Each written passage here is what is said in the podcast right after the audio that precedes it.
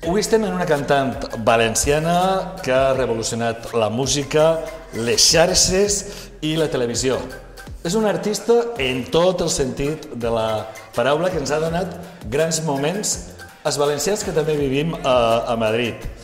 Ella és, per a molts, la reina del país valencià.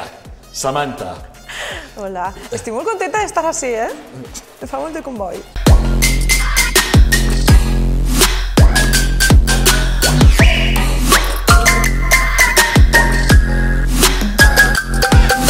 comboi.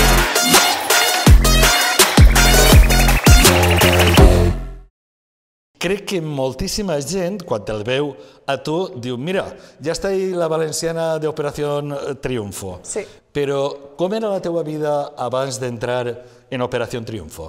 La meva vida abans d'entrar a l'Operació Triunfo era, era... Jo soc sempre cantant, he estudiat altres coses perquè ma mare tota la vida m'ha dit Samantha, això està molt bé, però jo no menjava de, de, de cantar i sóc superfeliç eh, per això, perquè jo el que volia era cantar. Jo estudiat turisme, jo cantava en una orquestra, jo estava en Cactus, però tres o quatre mesos abans de, dels càstings d'Operació Triunfo jo em van contratar a Lanzarote, a un hotel, per a ser animadora. I jo supercontenta perquè ja no és recepció, tal, però a les dues setmanes van veure que cantava i em van contratar com a cantant de l'hotel també. Buah, jo pagadíssima. Jo, buah, soc cantant, estic cobrant per això, ma mare contenta, meus pares contents, bueno, tots contents. I als dos o tres mesos veixen els càstings i dic, vaig a provar. Pim, pam, passen les coses i jo, bueno, pues, a veure què passa. Eres de Beniarrés, Sí. un poble del comtat, i ara estàs vivint a Madrid, com molts valencians que ens toca viure a Madrid. Però te n'has vingut per continuar la teua carrera musical. Eh, S'ha de viure a Madrid per a triomfar en la música més enllà del País Valencià? No, no s'ha de viure a Madrid per a triomfar, que per mi també la paraula triomfar és un poc relativa, no? Però sí que és més còmode. Madrid és com el centre, Madrid està superconnectat. A... Ja no estic parlant d'Espanya, super senzill moure's si vius a Madrid. I jo crec que a mi m'ha facilitat molt la vida discogràfica, empresa, management, televisió, gravacions... No és precís, però bueno, també és guai, no?, dir que vius a Madrid, la capital. De Beniarrés, un grupet de música a l'institut, una orquestra, un grupàs de música urbana en valencià i d'ahir aportar el pes d'aquella edició d'Operació Triunfo, fer-te molt famosa, el coneix moltíssima gent, jo em sorprenc de, de, de, de l'abast que, que va tindre allò, i a donar-nos grandíssims moments en Twitter. La coreo será no controle, tiki tiki, ah, ah. Siéntate aquí un momento, por favor. Carlos Wright. Yo siempre tengo razón, menos cuando no la tengo. Que me guste cantar esto porque nunca lo había cantado y lo canté y dije, "Ah".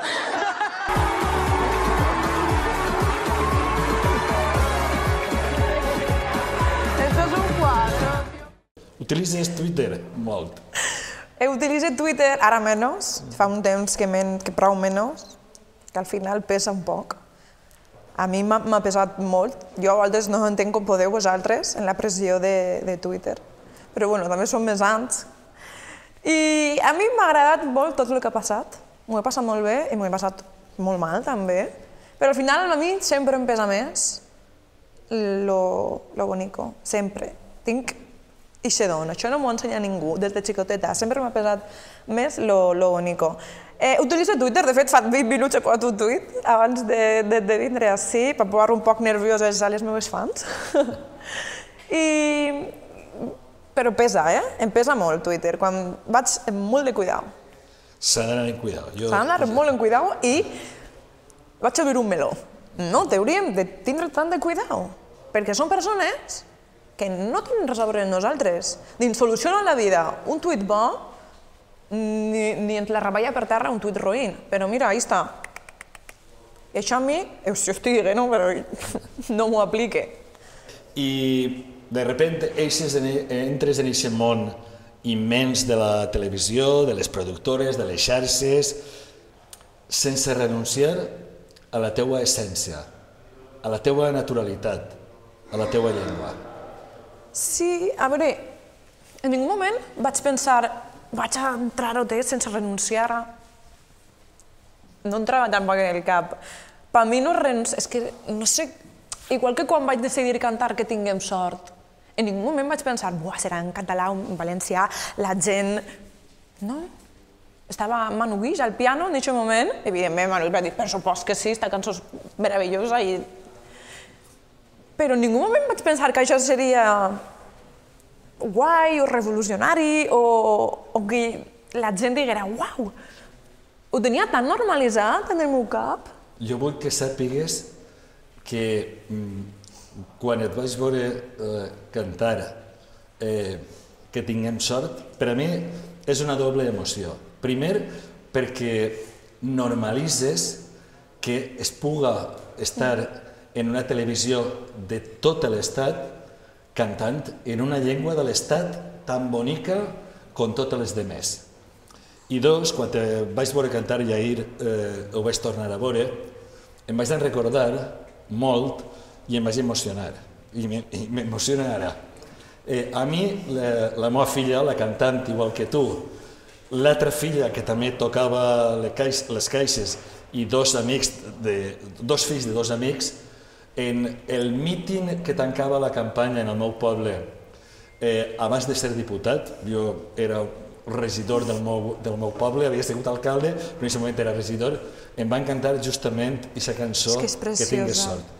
I m'he encantat quan me la canta la, les meves filles a mi i quan la vaig veure ahir feres una versió preciosa. És que és una preciosa. cançó que jo crec que a, tots, a totes les persones que escoltem música en valencià o que parlem valencià, l'escoltes i fa un clic en la teva ment i en el moment. El que siga, siga bo o siga més dolent, i per a mi també va ser així, i, i crec que vaig dir, que si no canta aquesta cançó, si no l'haguera cantat al principi, l'haguera cantat al final. Aquesta cançó jo crec que l'haguera cantat sí o sí. Era super necessari, no sé ni com la vaig fer, perquè ara cada volta que la cante em posa a plorar, o cada volta que la canta algú l'escolta em posa a plorar, perquè va ser super emocionant i me'n recordo que quan vaig dir, si em dius, el, el plató va fer, uah, va començar a xillar i no entenia per què. Vaig dir, què ha passat? I després, amb el temps vaig dir, ostres, serà perquè era, era Terrassa, és Catalunya, la gent... Em vaig quedar al·lucinada. No ho entenia, perquè allí després se t'obliden les coses. Ja, ja, ja. El món que d'OT és indescriptible. A mi, moltes vegades, m'han dit eh, per què estàs en un partit valencià, no és un dels partits grans, això m'ho han dit moltíssimes vegades en la meva vida, i a tu t'han dit alguna vegada per què fas cançons en valencià? Sí. No massa gent, perquè ara també tenim la sort que estem visquent un moment molt bonic en la música que fem, els valencians, els catalans, els mallorquins. Estem visquent un moment molt bonic. Jo crec que és molt bonic i crec que s'està demostrant, però sí que hi ha gent que encara em pregunta però tu per què fas cançons en valencià si ja no el fan falta? Jo què sé. Mm, per què no? És que a mi m'agrada cantar en valencià. La fonètica no és la mateixa. I és preciós, i és molt més complicat. I crec que he de fer-ho. Evidentment, ara es canta més en castellà que en valencià. I no sóc ni més valenciana ni menys valenciana per cantar en valencià. No ho sóc. Ni, ni, ni sóc molt menys valenciana per fer-ho ara mateix en castellà. Evidentment, tinc un públic que ja no sol és espanyol, està a Llatinoamèrica, que em vol escoltar cantar en castellà i que li encanta escoltar-me cantar en valencià. Però jo crec que ara 50-50 és perfecte i és el que vull fer. A la millor fa uns anys és 100% castellà o 100% valencià. Però jo seré la mateixa. I què opina una discogràfica tan gran com la teua quan presentes projectes en valencià? De fet, ells m'ho proposen moltíssimes voltes. Ho escolten una cançó i em diuen i està en valencià? Creus que la podríem traduir? Perquè també volen que jo tinga el, jo què sé, Una marca, un distintiu, sí. una diferència. Sí, com Miqui, Miqui Núñez, de Sí. Catalunya, va estar a OT, i té un públic català que, que va pegant voltes per els concerts de, de, del rollo, que diem nosaltres, de Catalunya, però també fa Primavera Pop, de los 40 principales, cantant en castellà. I crec que és superbonico tindre el, el, els dos ventalls oberts i que, el, i que els reben superbé. És que jo crec que és el més bonic que pot passar-te. Jo també ho crec, eh? Jo també ho crec. I jo també, per exemple, utilitzo indistintament Sí. les dues llengües perquè crec que és important que eh, ens veguen que som capaços de, eh, també de parlar la nostra llengua i que no passa absolutament res. Han hagut mm, molta gent eh, abans que tu que han obert eh, camins per a la música en valencià i ara ja no fa falta justificar de per què cantes o no cantes en la nostra llengua.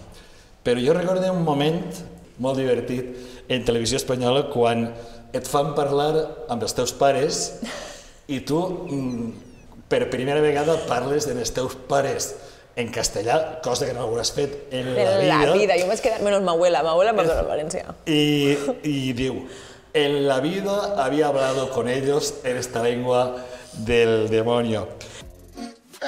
Y claro, encima en español. En, en la vida había hablado yo con mis padres en ese idioma del demonio. Eso deja. Com vas viure eh, a- aquella polèmica? Jo no vaig enterar fins que vaig eixir i em van dir que això havia creat polèmica.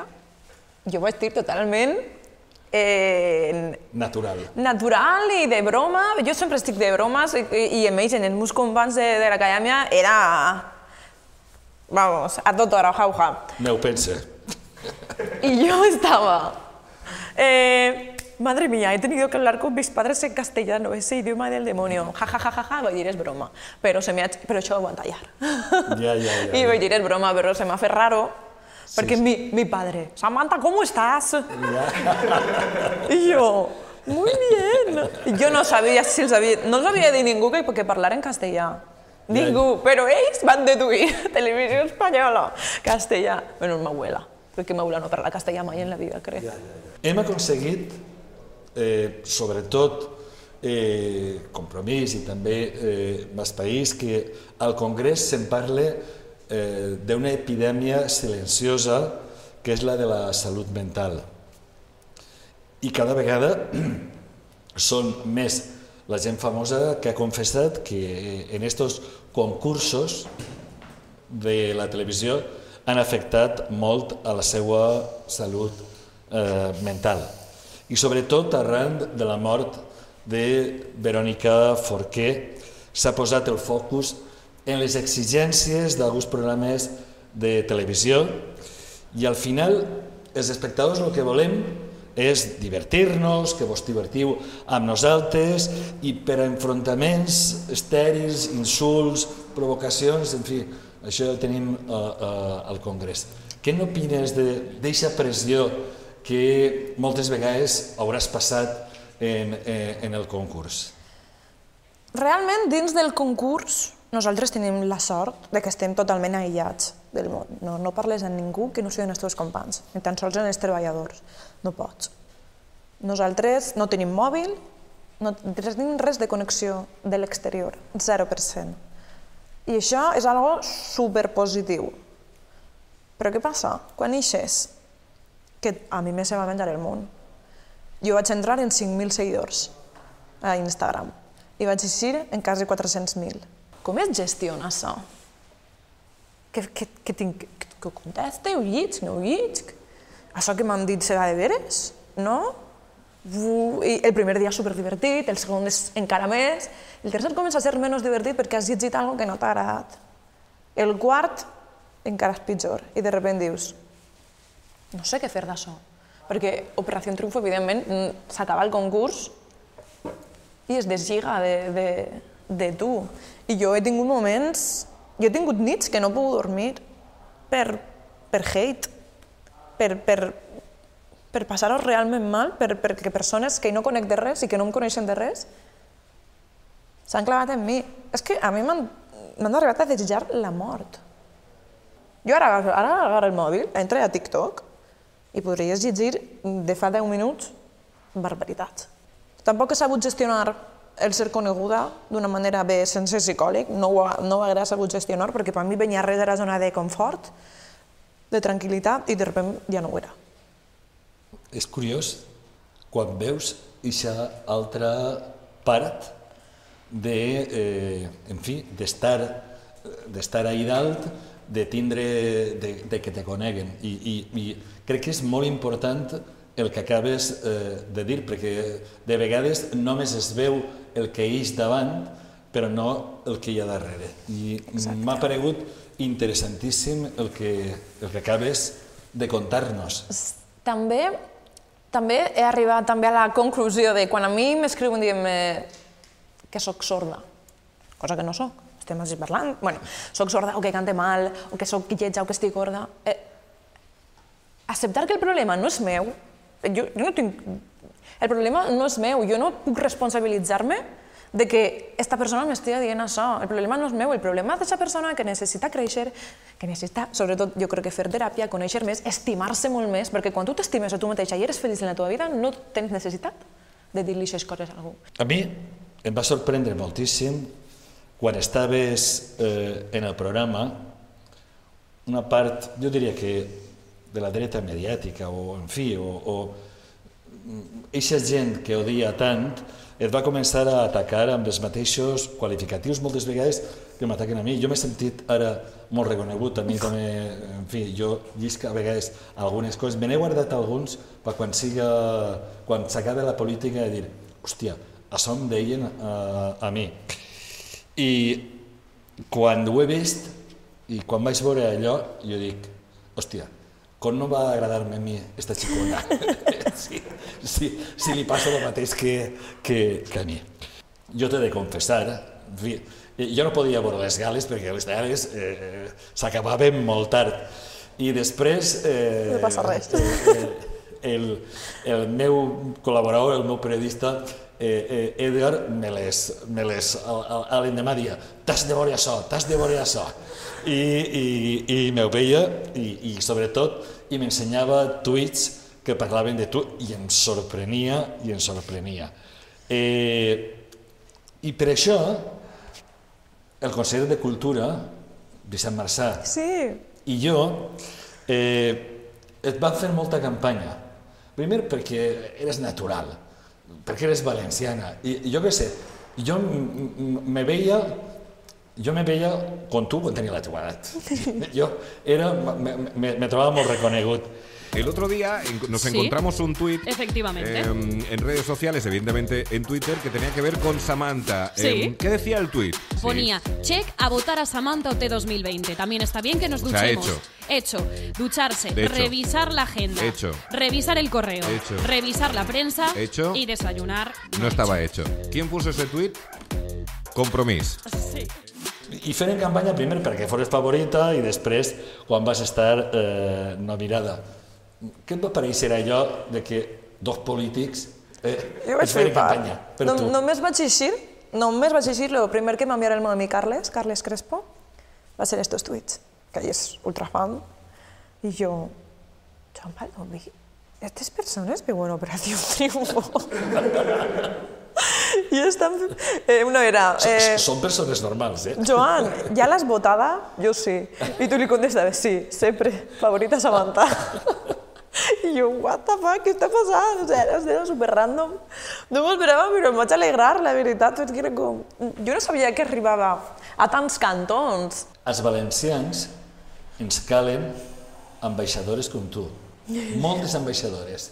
Però tu, de veritat, eh, una ambaixadora amb aquesta naturalitat de sentir-se valenciana sense complexes. Eh... Han hagut molts valencians a Operació Triunfo, però no, no parlaven valencià. No eren, no eren de, de lo millor de poble. Per exemple, al, al comtat Alcoyà no ha arribat mai ningú a OT.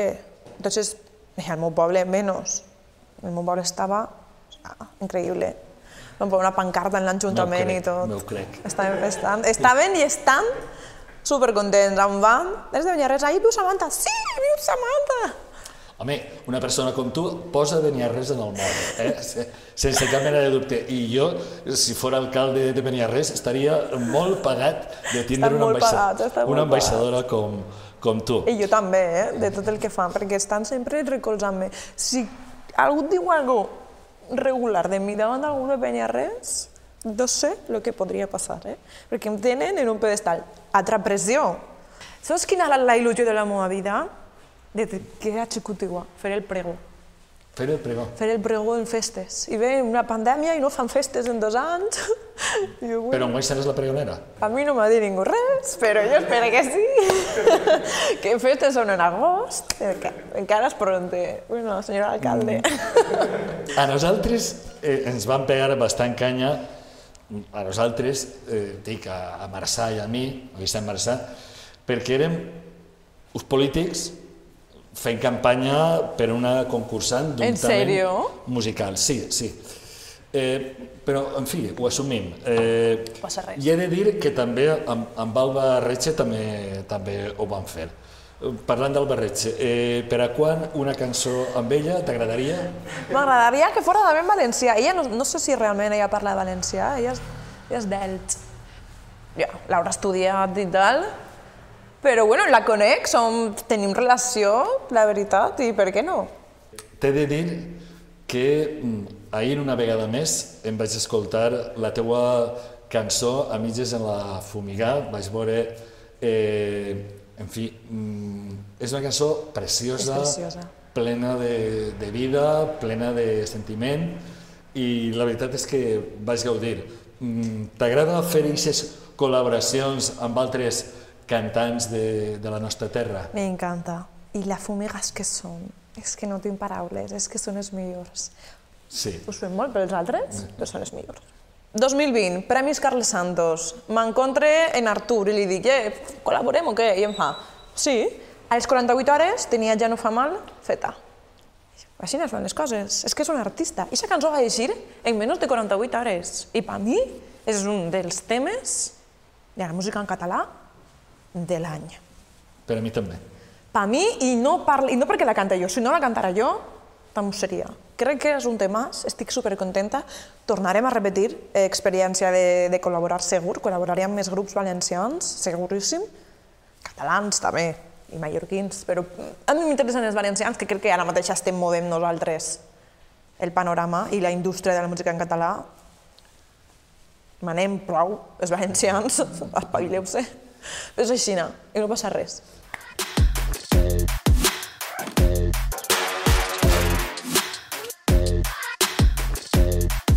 Samantha, Sí. què li diries en confiança a un jove que vol dedicar-se a la música?